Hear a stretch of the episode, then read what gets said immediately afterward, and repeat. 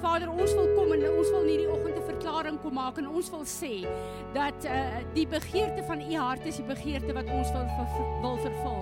Ons is hier Vader om vir u te sê dat uh uh uh, uh ons verklaar in hierdie dag hier dat U is die koning van alle konings. U is die Here meester van ons siel en ons verklaar dat die feit dat ons hier nie krag het nie, die feit dat ons nie uh, kan sing nie, gaan ons nie keer om U naam te verheerlik nie. I want us to to now uh, come and uh, gather together uh, the fact that we do not have music or sound. We all know the words. I want us to come and gather together. Kom ons sing die onsse Vader. Is daar wonderlik. Okay, great. Okay, kom ons begin. Ons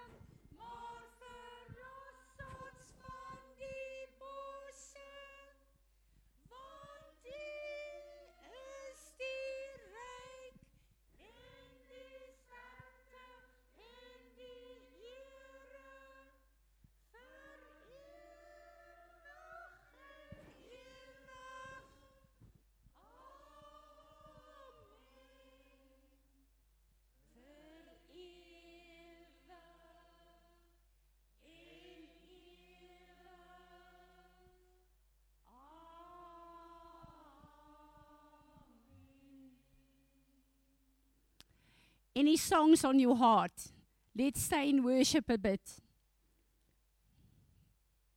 Kom julle? The whole the whole uh, uh, uh, time that God shared with me uh, uh, on the scripture of this week in Jeremiah 1, and where God said, uh, uh, Francie, what do you see? What are you seeing? And I said to God, uh, I, want, uh, I uh, wanted to say something, but God said to me, No, I want you to lay down what you see, what you expect, what you. So this weekend, we are laying down all our expectations. We are laying down everything we think we know and we think uh, what we think will happen this weekend. And we align with God's heart and His desire for this weekend. And on uh, Wednesday, when we were in Ariel Gate, Apostle Natasha started to share on something.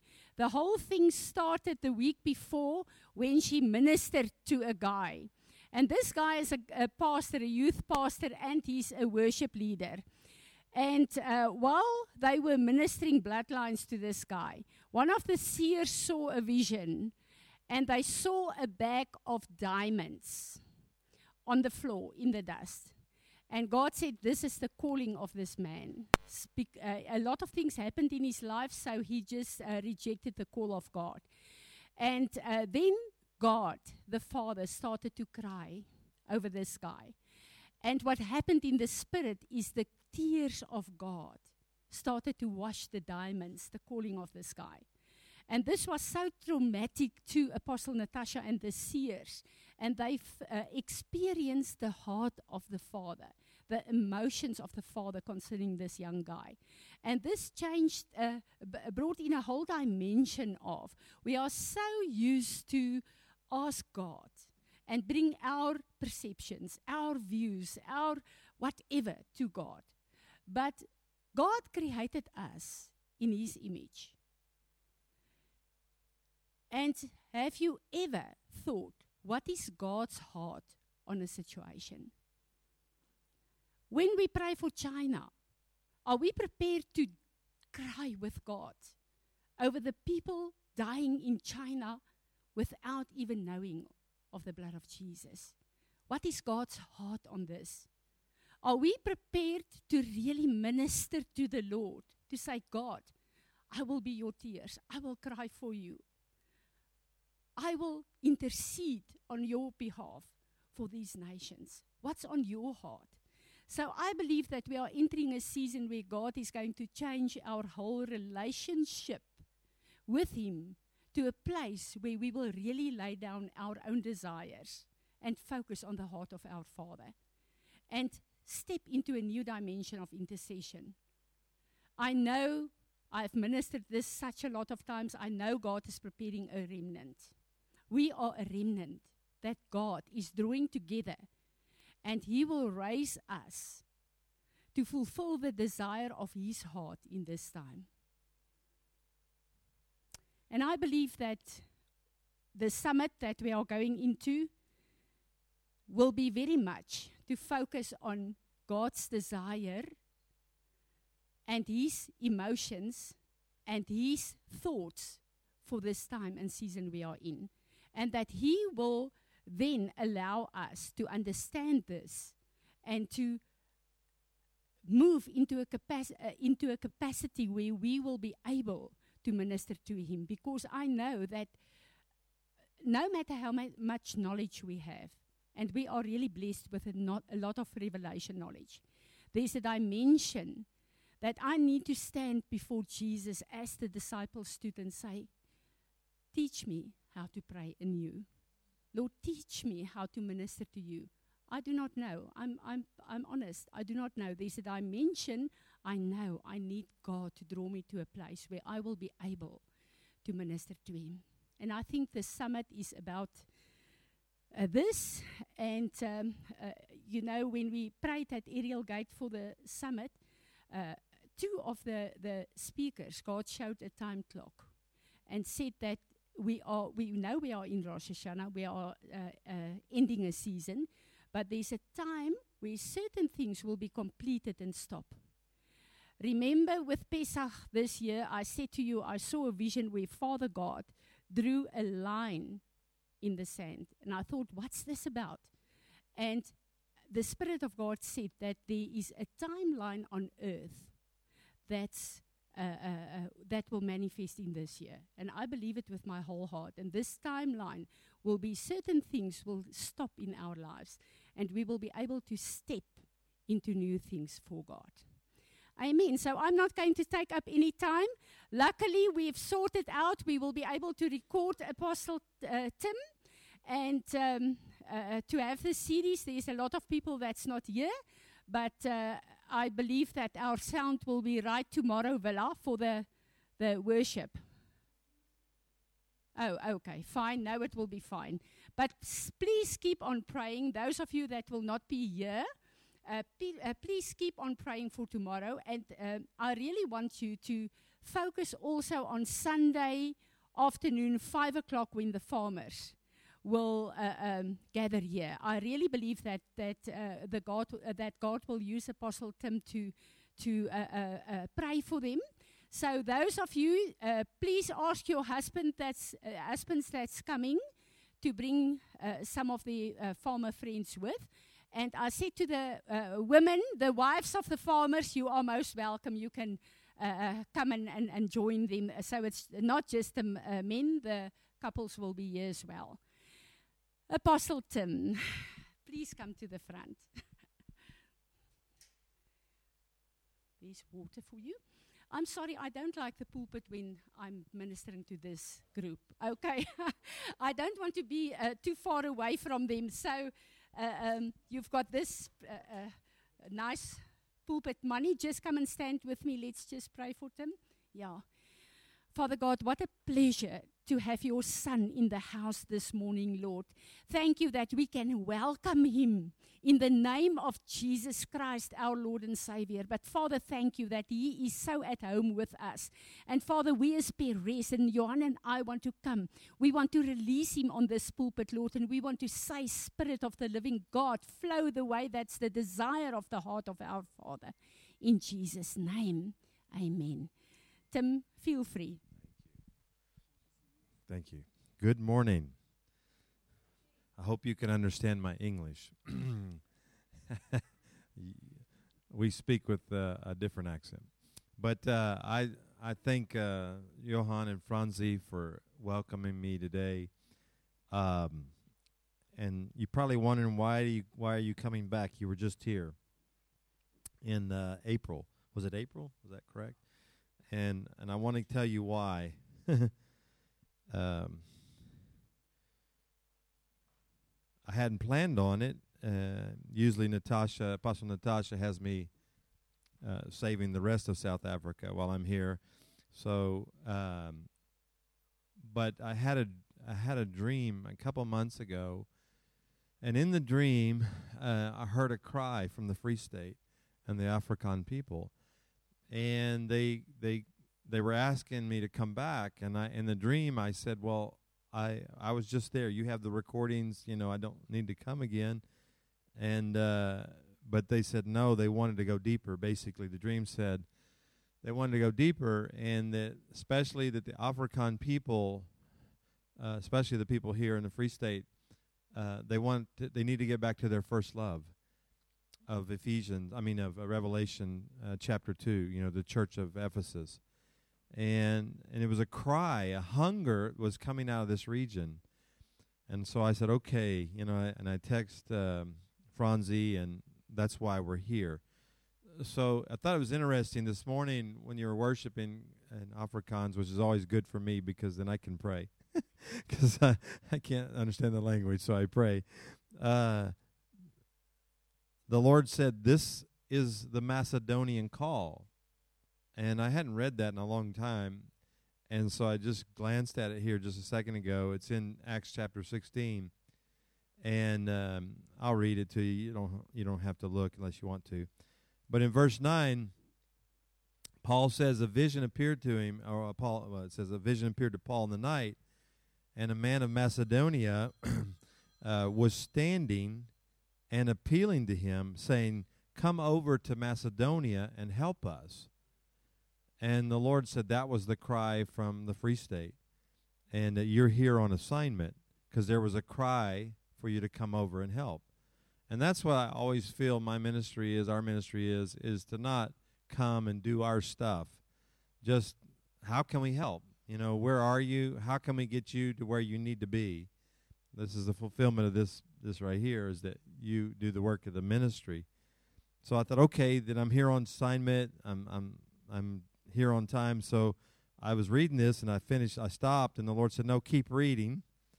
So I did okay. He said, "So when they when he sent the vision, immediately we sought to go to Macedonia, concluding that God had called us to preach the gospel to them." So he puts out at the sea at Troas, and they ran straight, goes the distance, talking about how to get there, and from there to Philippi, leading city, so forth.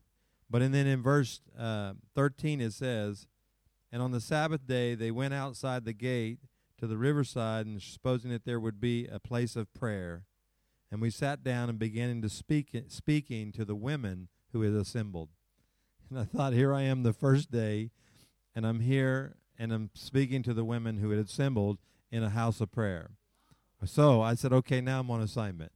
I know we're in sync with what time it is, and you're here on assignment and even one man just walked in Philippi. There we go. There's good to have you, brother. Anton's here, um, and I, I, I, want you to understand. Uh, prophetic moments are important because you need to know what time it is and what God is saying right now. And I released a prophetic word over our house before I left. We're in the month of Elul. And the Lord said this was a month to set yourself aside uh, Elul means divine forgiveness and mercy. And this is a month to set yourself aside and to get with the Lord. And in this month was the month that the king would come out of the palace and he would go into the nearby city and they'd set up a tent and they would announce the king is in the field. And that meant that everybody could come and talk to the king and have an encounter with him. Whereas the rest of the year he was in the palace with guards and protection. He couldn't get to him. He had to go through all this protocol before you would ever come to him. But this was a moment of just openness. And I want to prophesy to you right now. You're in a 40 day period from the 1st of September into 10 days into October. Eh, you're in a 40, minute, 40 day period where the king is openly in the field, where he is not interested in so much protocol right now He's interested in you coming before Him right now and sharing your concerns. What are the deepest things of your heart? What are you believing for for the free state? What are you believing for your family? What are you believing for the kingdom of God, for Perez, for everything that y'all are going after? What is on your heart? And this is the time that the king says, Please talk to me. And it's a time to minister to the king and the king to you in such a way that you can get clarity for the season ahead. This is a month of transition. You will not look the same in about 30 days from now. I promise you. God is about to shift you in some place that you've never been before. Now you have a choice. The shift's coming. You can be in it or you can watch it from a distance. And it's a point that I want everybody, and I want this house to be in the shift of what God is doing. And when she, um, Pastor Franzi, Apostle Franzi here, gave me the word about Jeremiah. It's one of my favorite passages in one because we teach it all the time. But, you know, what do you see? But the more important part, uh, well, the added part to that is it says the Lord is watching over his word to perform it. And so for me, I'm here on prophetic assignment, which tells me that the Lord is watching over the free state right now to perform the word that he sent me. So I'm not here alone. I'm here with the brooding word of God, the, the Spirit of God that is hovering over Perez, over you, over your families, over the purpose of God in this area. And He wants the word fulfilled greater than you do. As hungry as you are, it's His word. And it's His hunger that wants to see it passion. I always say this God has greater patience over your words than you do yourself. He's more than willing to wait for the time for it to appear or happen. Matter of fact, he said he's watching over it. In other words, he's got his eye on everything that you've been promised in the word, everything you've been promised prophetically, everything that you're believing for. He's watching over it, which watching means that he's making sure that everything is conducive to it coming to pass. Other words, moving circumstances, making things happen in your life. Many of the times that you're rebuking Satan, it's God alone that's doing it. You're saying, Get thee behind me, Satan. And the Lord said, No, that was me. Uh, you know, I sent sister so and so to bother you that day so you'd get irritated so I could get the anger out of your heart. And you're thinking, you know, she needs to get set free, Lord. You need to cast the demons out of her. And the Lord said, No, I'm trying to get the demons out of you. And so I sent her to you so you would know that you have them inside of you. Please smile. All right? Uh, okay, I want to make sure y'all have teeth. Uh, it's important that you understand that God works all things together for the good. And when even when the enemy does come in, God says, That's good, I can use that. I can turn it for your good. And so you're in this moment that he's watching, watching, watching, watching over what he's doing. So in the middle of the night, the Lord just kept dropping stuff on me. I had dreams about Franzi last night, and uh, and for the ministry here and what you guys are going after, and and I want you to get this: the Lord has got you in a season where you're about to go to a new dimension. Now, what are dimensions? Uh, dimensions are levels that you've never been at before. You know, when we talk about wealth, right? You have wealth levels. You know, you got cash and you got silver and gold, and you got platinum. You know, you keep moving up levels of wealth. Well, the same thing in the kingdom. We start moving up into levels. We start with milk, right? We start with just the basics, and then we start moving into the meat and to greater things. And finally, we get into a place where we can get all the way to a dimension where we're like Enoch, where we are with God, and God gives us a choice where we can either be here on earth or we can be in heaven. Either way, because we've come into such communion with God that we're one with Him. So these are some of the higher levels of dominion, I mean, uh, of dimensions that you can be in. And the Lord gave me a dream last night and said that this, what, what y'all been doing in what this ministry, I saw her in three dimensions, and the Lord said this is a season we're going to the fourth dimension, which is a dimension that you've never seen. You know what they have now for TVs? They have 4K TVs. Y'all ever seen that right now? Have you ever watched 4K television? Do y'all have that here? Are y'all are y'all y'all have electricity yet, right? You got that. So we moved up. I'm just teasing, but you have that. But when you when you watch it, it's like weird because it's like real life. It has a different dimension to it than the old TV televisions do. Why? Because it's a new way to see vision. And I want to say this to you God has given you a new way to see things and the way they looked in the past was filtered and unclear. When you look at a 4K TV and they got 5K, they're coming out with new. Everything is like you can see every detail like you couldn't see it before. Matter of fact, uh, women, uh, especially women news commentators, are having a problem because the cameras are picking up all their flaws and they don't like it. So they're having to get more makeup and more plastic surgery and everything, you know, because now the camera sees everything, you know. The, ma- the makeup that covered a multitude of sin doesn't work anymore, you know. So it's a, it's a whole it's a whole thing because why? It's a new dimension you're seeing differently.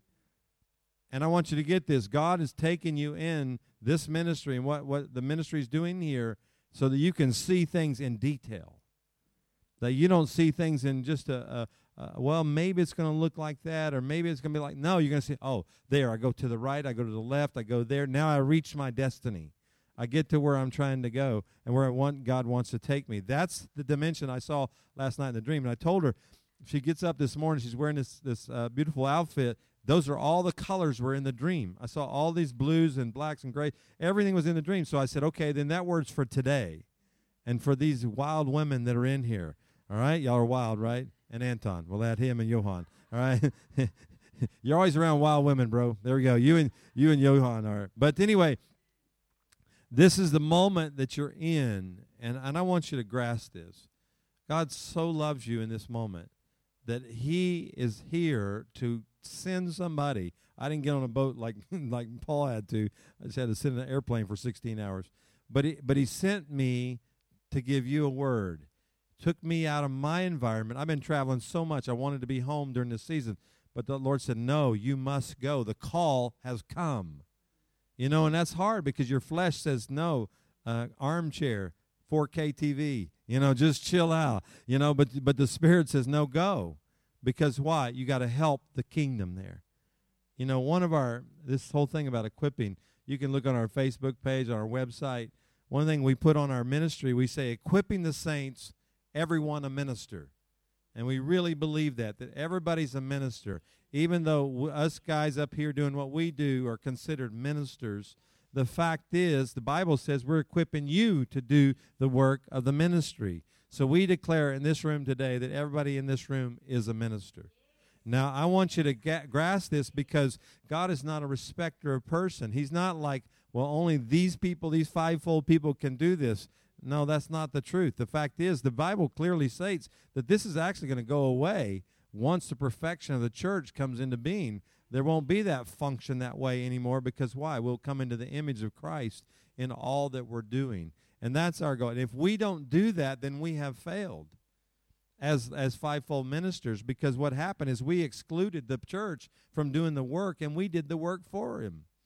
And that's what happens a lot of times in ministry uh, people go, "You do it, you go for it. you know, we'll pay you. You go for it. You know." And they make us do all the stuff. And and and I remember when I when I first came pastor, I had this young guy. He he started having prophetic dreams, and he was just so excited. He had a dream. He said, "I had this dream, pastor. It's about you." I said, "Oh, good. Okay, give it to me." And he says, "I see you. You had this sword." And you're fighting the devil, and you're just cutting, you're bleeding, you're sweating, you're going after it and he says, and all the men in the church are over under a shade tree, and they stacked up all their swords, and they're watching you going after and cheering you on. and he thought it was a good dream. And I said, That is not a good dream. I said, You guys are over there in the shade while I'm out in the heat fighting the devil. I said, You got to get your swords and get in the fight with me so that we can fight this thing.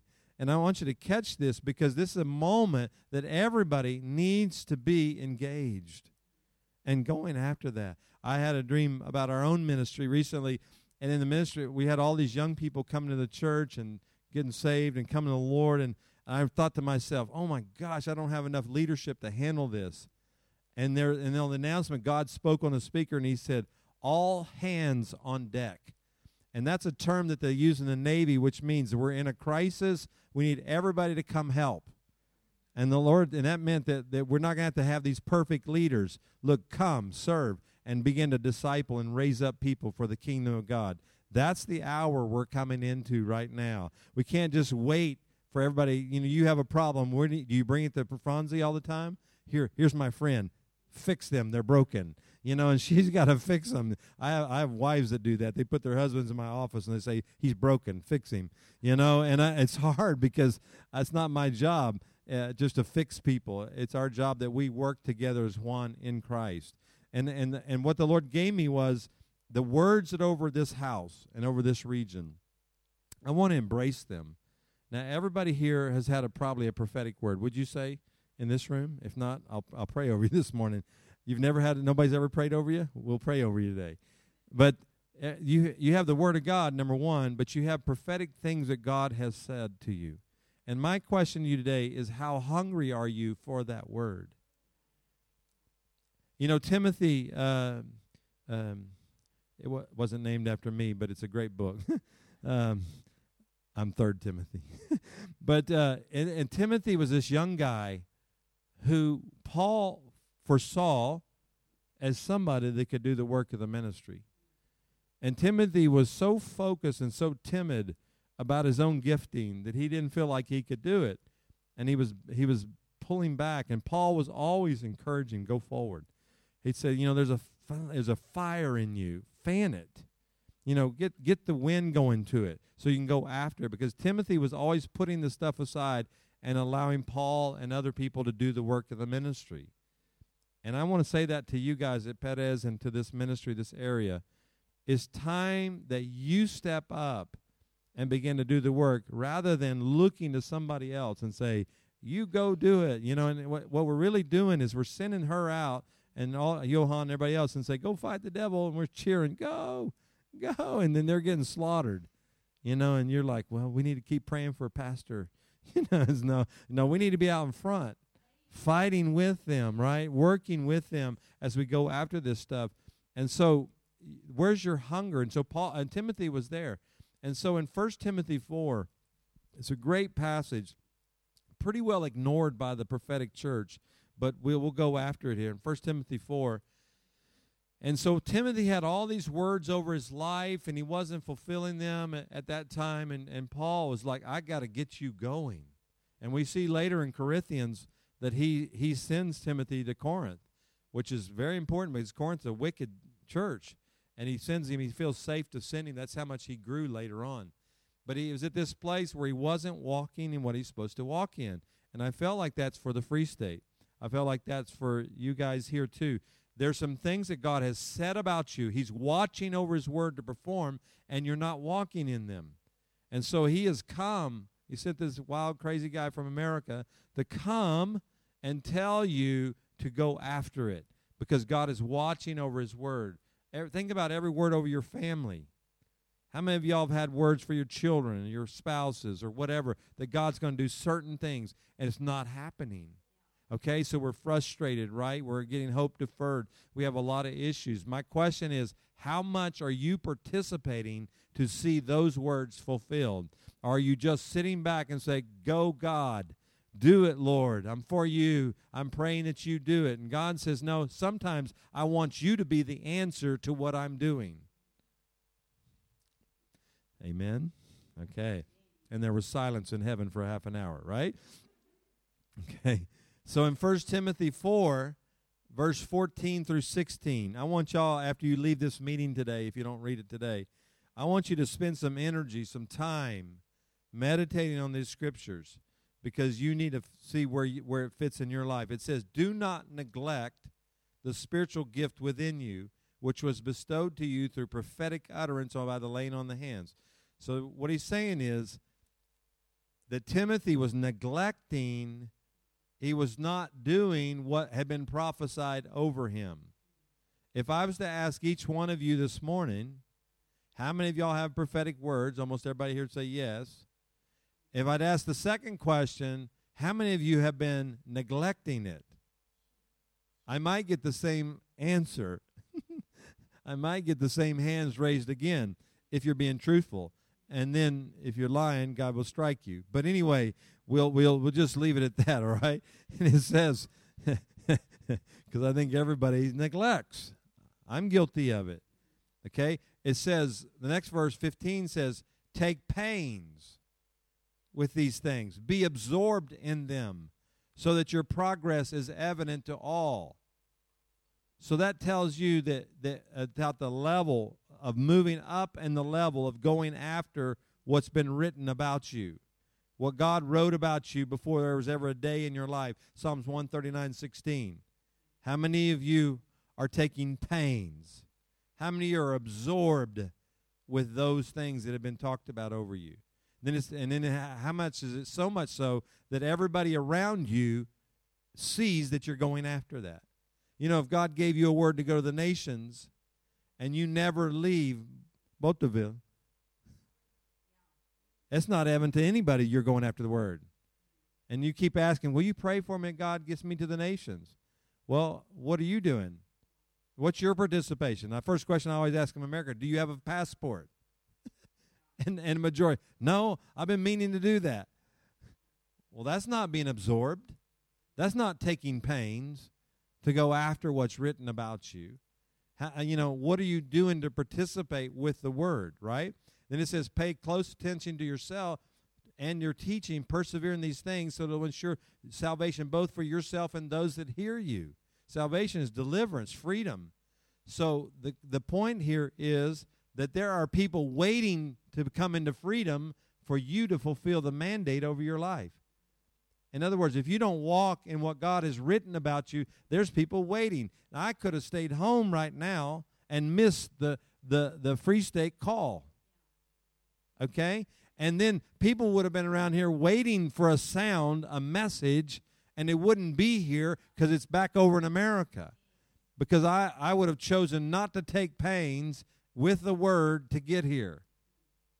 Well, God's bigger than that. He is bigger than that, but it can we can create delays. Amen. Me and you are preaching. I'm a, I'll take up an offering with you a little bit later. All right. So so we, we we are in agreement here, but we are taking pains. I took pains. Let me tell you, sitting in that chair 16 hours on Delta's flight is painful. You know, it's not like taking a ship like like he had with snakes and everything. But it, it's still a place where okay, I had to sit there and I kept saying, I think South Africa has moved further away. I think it has because uh, I kept thinking we're never going to get there. I thought surely this plane will come down one day. You know, we'll be up here. But it was okay because I kept thinking of the joy set before me of being at this meeting and releasing this word to set you free and to change the kingdom in this area. Okay? So we have these. Let me just quickly, and i will move on to another scripture. But to ponder, it says here, or to think about these words, means to have conversation about it in your mind, to think about it. So, what is the word over this area? I'm telling you prophetically for the region is that you get back to your first love. That's a, that's a regional word, okay? That may, you may be in a good place with the Lord there, but the fact is, over this region is, is to get to first love. So, who's thinking about that? Who's pondering and saying, What's that look like? Uh, how are you going to do that, Lord? And begin to have conversations with God and minister to the Father and say, Father, please speak to me. How do we get our people back to their first love? Okay, instead of, look, one day God's going to get us back to our first love. No, we participate with that, right? It says, when, when it says don't neglect it, that means to be careless with it. You know, we, we're doing a ministry in our church right now where we're at, we're taking everybody's, we say, please gather all the words over your life and write them down. And we want to have a meeting with you and we want to talk to you and help you head the direction of the words of your life. And we are having the hardest time getting people to write down their words. They have them on CDs, they got them on tapes, they got them, you know, somewhere in the back of my room, I got a tape somewhere where somebody gave me a word 20 years ago. I go, what does it say? Yeah, I think it meant something like this. I said, where is it? Well, I don't know. We're trying to find it. Or, or you know, I said, well, all you got to do is type it out, and they'll say, oh, I've been meaning to do that. I've been, I, you know, I got it on CD. I've been meaning to do that. That's neglecting. And then they're sitting there going, My life is horrible. God's not doing anything for me. I'm not going where I'm supposed to be going. And you're sitting there neglecting. It just the basics of it, of just repeating it and saying it again. I want to say this to you right now. I encourage you to pull your old words out and start saying them again. Begin to repeat them again. Begin to say them because what it's not that God needs to hear them, you need to. And you need to get those things out of the out of the spirit realm. And then this says to take pains which means to revolve around your mind and meditate on. You meditate on them all the time. You start thinking about them. I'm in ministry because I wouldn't quit meditating on the words over my life. I did not neglect them. I had when I was I was in the medical field for many years, and I was running from God uh, in ministry because I didn't want to be in ministry. But I finally yielded to it, and I had some key prophets that prophesied in my life that uh, of what would happen and what the shift in my life and how I'd go into ministry, what it looked like. And I had them on tape. Y'all remember tapes? Y'all know what tapes are? Know, young people don't even know what that is. Um, Johan does. He's old enough. Yeah. Johan remembers the old big reel to reel ones. That's when he remembers. But but anyway, and so I would play it almost every day. And I, I memorized them. And I was just quoting those words over my life. And you know, one of I remember one of the guys said, "Not very long from now, this will occur." And, and I so I kept saying, "Okay, there it is." And I get quoted, not very long. Every day I'd meditate. Lord, that means very short time. That means it's coming about. And I start praying. I began to pray. He said, You'll be a pastor. You'll do all this stuff. I didn't have an audience to preach to. You know what I preached to? Me. I, I literally started putting sermons together and preaching in the car driving down the road. I, because I, I'd imagine people's lives being transformed through the Word of God. I was imagining it. It wasn't fantasy because if fantasy is something you make up. Imagining what God has said is not fantasy. He says, "I'll do above what you can even ask or imagine." So if you, it's a it's a legal right to let your mind go and begin to imagine what God wants to do. And I declare that over this free state and over this ministry. You have the right to imagine. And I want you, you can exaggerate what God's going to do because He says you can't even imagine. So your greatest imagination or your major, your greatest exaggeration cannot compare to what he wants to do. You know, you don't want to get into selfish fantasy where you're what's going to happen to you and you're going to be the king and you're queen or whatever. You're to no we're talking about meditating so i began to meditate on that. Just just begin okay it's going to happen it's going to happen it's going to happen and then the bible says here to be absorbed. That's what he told timothy be absorbed with these words absorb means to give oneself wholly to its purpose to agree with it so i'm agreeing that this area is coming back to its first love and we're going to have a revival of intimacy where people are going to learn to minister to God. And when they minister to the Father, the Father is going to pour out. Look, you don't have to worry about your needs being met when you're ministering to Him because you're seeking first the kingdom of God and His righteousness. And when you do that, your stuff just starts happening. Blessing starts falling on your house. Your crops start doing better. Everything you touch starts begin to do better because why? You're ministering to him who loves you more than you love yourself. It just begins to flow this way. And that's what happened. He says, be absorbed. And so I began to be absorbed. And then it says progress, which means to move forward, to spin oneself for that purpose, to drive forward. And I'll never forget, even when it happened, I was shocked because here I was, I was, I was in the church. Uh, I was just helping out with the youth at that time, and uh, so I remember I was going to the youth building that day to help out, and the youth pastor at that time, who I was working with, walked up to me and he says, "I'm quitting." He was upset. He's going through a hard time. I'm quitting. You're it. And he walked off. And I, I said, What do you mean? And he, he goes, I'm leaving. And I didn't know anything. I was like, What? And so I went and had a meeting with the pastor at that time, and he says, You're the new youth pastor. And I'm like, Wow. And I kept remembering that prophecy, not very long from now. And that's the word I kept digging into and began to cry out for. And so I had my heart prepared for that moment. Okay? I was a bit shocked how it happened, but I, I was at this place where I was ready for the moment. Are you ready for your moment? Okay, so this guy's giving this broad word that, that Free State's coming back to its first love. The African people are going to start falling in love with Jesus again. They're going to deal with their issue. Okay, that's a big word, right?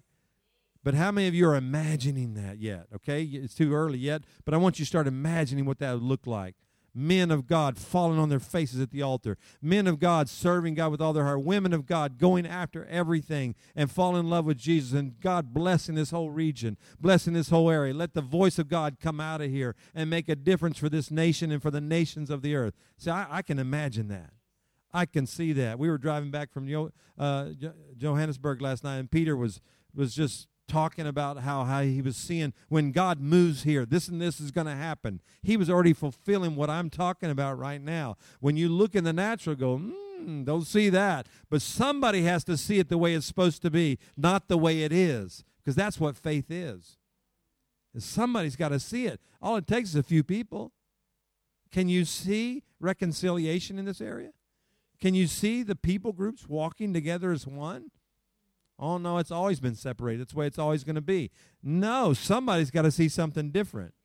And that's where we are. We have to engage in this realm. So let's let's take it to the next level. So now that we agree that the Lord's watching over his word and he's believing that we're believing he's going to do it. We're starting to become absorbed. We're fast forwarding here. We're moving ahead. We're taking pains. Then what kind of prayers should we pray? Where, what does our prayer life look like in that moment? So last night, I was in the middle of the night, because when you when you anyway, I'm on a different time zone. I, I was I was back home in the evening, but anyway, the Lord just boom, He drops His scripture on me, and He says, "Release that this morning." I said, "Okay." So I opened my Bible this morning, and and you know it's in a case, and I had to unzip it, and I literally open it. It opens to the very scripture God gave me in the middle of the night. And so I said, okay, I get it, Lord. We're, I'm on the right track here for these people. And so I want you to, if you, y'all have Bibles in Free State, right? Okay, yeah. Just make sure y'all have them. Uh, I always assume if you don't have one, it's because you got it memorized. But uh, in in two Chronicles twenty, one of the greatest prayers um, uh, that I, that I know of in Scripture. There's many good prayers, but this is a great prayer that Jehoshaphat prayed. So Jehoshaphat gets gets a, a, a, the news that the enemy has surrounded uh, has surrounded Judea and, and, and Jerusalem, the whole area. And so he's got three enemies all around him on the mountaintops coming down on him. And so he's in a bad place.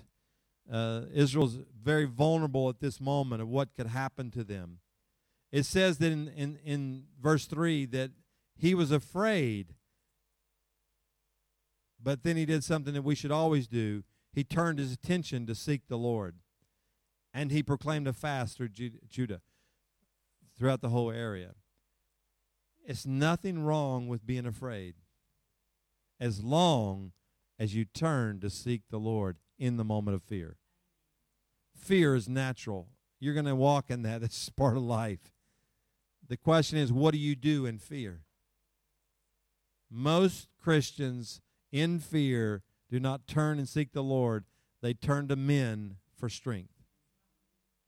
Jeremiah tells us in 17th chapter that you're cursed when you look to man for strength. And so that's usually the first place we go. We go to the tree of knowledge of good and evil.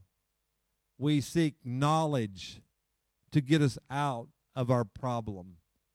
So we have a financial problem. Who do we call? Jesus? No, we call our husband. We call a friend. We call the bank. The Bible says we seek the Lord. So it's not raining on the crops in the Free State what do we do? You know, well, let's who can we call to get some irrigation? Who do we what no, do we seek the Lord? That's who we should seek first, right?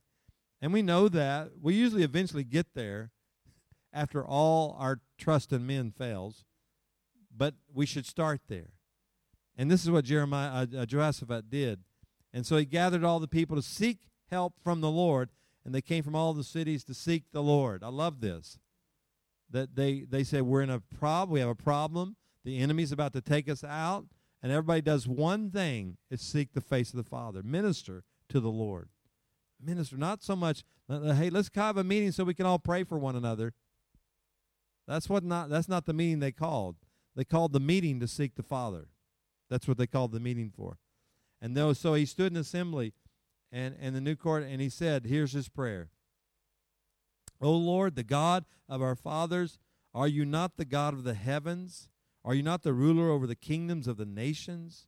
Power and might are in your hand so that no one can stand against you. When you start praying for prophetic words to be fulfilled, the first the best thing you can do is start declaring the supremacy of God over the earth. So when you're in trouble in this area, in your life, your family, whatever, the first thing you need to declare is how great God is and how he has saved other families, how he saved other nations, how he's done other things in the earth, what he said over your own nation, over your own family, and how he's answered before. Make those declarations and begin to cry out to God. Because what is happening now is the Lord told me to tie 1 Timothy 4 with this scripture. In other words, the pondering, the meditating, the thinking, the being absorbed is in this place that you begin to believe that God's going to do what he said he's going to do because he's done it before. Franzi was telling me how they gave the farmers the prophetic word that'd be a, a, a late frost this year. Is that the word? Okay, so there's what the prophet said. The prophetic said it's going to happen this way. What do men usually do? What do farmers usually do when you get a word like that? Let me look at the almanac. Let me see what the weathermen are saying. Let me do what we've always done in the past before. Okay? So what are you doing? Putting our trust in man again. Rather than the prophet said, this is what's going to happen, let's trust the Lord. Okay? So I remember in the in the 90s, the Lord gave me a word. In America, we have a stock exchange called the Nasdaq. It's it's technical and uh, stuff. Anyway, the Lord told me it was going to crash, and so I'll never forget. I, I told the prophet, I prophesied to the people, get your money out of the market. It's going to crash, and I warned them all. I warned my father, my natural father. He is he was heavily invested in this stock market. And so I said, Dad, you need to get out. It's going to crash. He'd say, No, son, I'm making so much money right now. He had over like a half a million US. He he had invested. And I said, son, I said, Dad, listen to me. Now he's a he's Baptist, so, so you know, they don't believe in the prophetic word, you know. But anyway, so I said, please, Dad, listen to me. Get out. And he wouldn't listen. Just would not listen. Every day he'd be losing money. I'll make it again tomorrow. I'll make it again tomorrow. He kept making. He was a day trader. They call him. They traded every day. But anyway, the the market crashed just like the Lord showed me. And one day at service, I came to church after that a week later or so, and there was an older gentleman. I didn't know much about him. He came to our church. We didn't know much about him. Found out later that he was a millionaire. But anyway, he walks up to me and kisses me. This man, I'm like, get off of me, man. What, you, what are you kissing me for? You know, I never had a man kiss me like that before. Eh, eh, you know, on the cheek. It wasn't on the lips. Thank goodness. I would have. I would have. Anyway, and I, he goes, Pastor, I want to thank you. I said, for what? He said that prophetic word. He said, I, he said I had all my money in the market. He said I got out, and he said it all crashed. I would have lost everything. And he says, and he said, I just want to thank you for being obedient to the Lord and saying that. And uh, what's funny is our, our we live in a very warm climate, very warm, uh, uh, about like Durban, and uh, so we needed new air conditioners for the church, which was about forty thousand U.S. was going to cost. And when he tithed on his on his earnings, he tithed forty thousand to the congregation. And so I said, "Praise God! You know, you're obedient to the Lord, and He takes care of your needs. Seek first the kingdom of God, His righteousness, and then He takes care of your needs." And so we had a great need that got answered by me just being obedient to prophetic word and then them obeying the word. You understand how when we get in the cycle of God, when we start doing the things God wants us to do the way He wants to do them, then the the process God pours out a blessing more than we can handle. Amen. So so anyway, let me keep reading this prayer, verse seven. It said, "Did you not, our God, drive out the inhabitants of this land before your people of Israel, and give it to the descendants of Abraham for you, for uh, for your friend forever?" And they have lived in it, and they and you have built and you have built your uh, sanctuary there for your name's sake. So what is Jehoshaphat doing? He's reminding himself and God about how God promised what he would do. And we need to get that. So God is promising right now that he's going to restore something back to what's been lost here. Now, I understand when I say that, that's a blanket over the, the region, which means if you're under that blanket, everything that's been prophesied over you right now, God is wanting to bring it back to you. And you've got to get to this place where you believe for that, that you believe that God is going to give you back what you have been believing for. And when we make that declaration, God, you're the one that promised this, not me. You're the one that said you would do this, and so I want to be at that place. And then he says here, this is very important in a prayer. Verse 9, he said, Should evil come upon us, the sword or judgment or pestilence or famine, we will stand before this house and before you, for your name is in this house, and cry to you in our distress, and you will hear and you will deliver us. Okay, so what he what he did here, he said, Lord, we're not going to stand just if it turns out good. We're not going to just say we're going to believe for this if everything works out the way we think it should work out. He said, even if it's bad news, it doesn't matter. Even if there's no rain, even uh, when somebody leaves the church, even when our husband acts this way, our kids act that way, it doesn't matter. In all our distress, we're still going to cry out to you, and you will hear us, and you will deliver us. Now, that's not in arrogance, that's in humility and brokenness that you declare that. But the, the Jehoshaphat had this cry of his heart of how it was going to look. Because one thing we know, God works in mysterious ways. And we don't ever know. We think something's evil, and it turns out to be good. My favorite passage, one of my favorite of all the other passages, is Genesis 50. When, when Joseph's brothers come to him and they think, oh, he's going to get even with us now. We're in trouble. We're in trouble. He's this big guy. He's going to take us out. And Joseph says, no, no, no, bros. He said, You thought it was evil, but it turned out for good. And he says, Who am I? God is God. I'm not God. He's the one who decides what happens anyway. I mean, look how broken Joseph was. And so Joseph saw the pit was the path to his destiny. And so that's what Jehoshaphat was saying. Look, even if, if we go into famine, even if it gets bad, we're still going to get delivered. So I'm saying over this area, even if it goes bad, this place is coming back to its first love. And we're going to see what God said He's going to do over this area. We're going to break, get this, there's a spirit of adultery over this state. And God says, I'm going to break it. Now, it manifests in many different ways. We're not just talking about men and women having affairs, we're talking about adultery in the heart, talking about loving other things in, other than the Father. That's what we're talking about. But it can manifest with the physical adultery. I ministered in Ecuador one time. The church down there, with the pastor I was working with, every single man in the church was in adultery. And everybody in the church stole, were thieves. And they came to church and worshiped every week. He told me he had to preach one year on adultery and thievery, every service for one year, just to get it out of the church because it's part of the culture down there. All the men are in adultery. It's like normal. All the women expect it and accept it. And they all steal. They think it's normal. we built them a new bathroom outside, and the next day they stole it. I said, Look, don't steal it. We made it for you. You know, that's just kind of, it was just like this whole thing. It's, it's like such a bad spirit.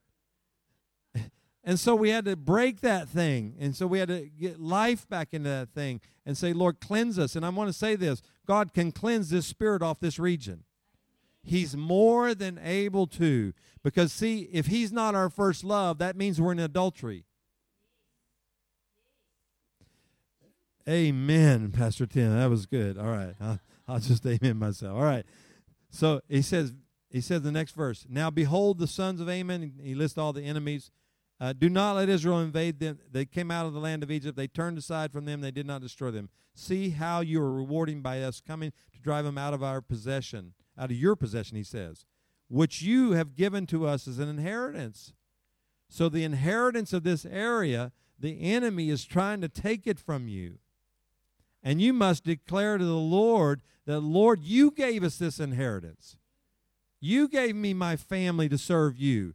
You gave me the produce of my land so that I may honor you. And the enemy is coming to drive it out. It's your inheritance, Lord. Fight for your inheritance. And I'm here to fight with you. That's what you're saying here. And then he says, Oh, our God, will you not judge them? It said, All Judah was standing before the Lord with their infants, their wives, and their children. In other words, the whole household was in agreement that God was going to do this. And I want to prophesy and say that to you. Get your whole household going for this. How many of y'all know as wives, if you're the women in here, that you're standing for something that your husband's not standing for? That makes it really hard, doesn't it? And vice versa, or you know, whatever. Or you're you're standing and nobody else is, or or few people are. It's very difficult. How much more powerful of it is it when your whole house is declaring together? My last son, Isaac, uh, he's 15 now. But anyway, when he was in his mama's womb, the doctor told us he would not be a normal child. He'd have physical problems.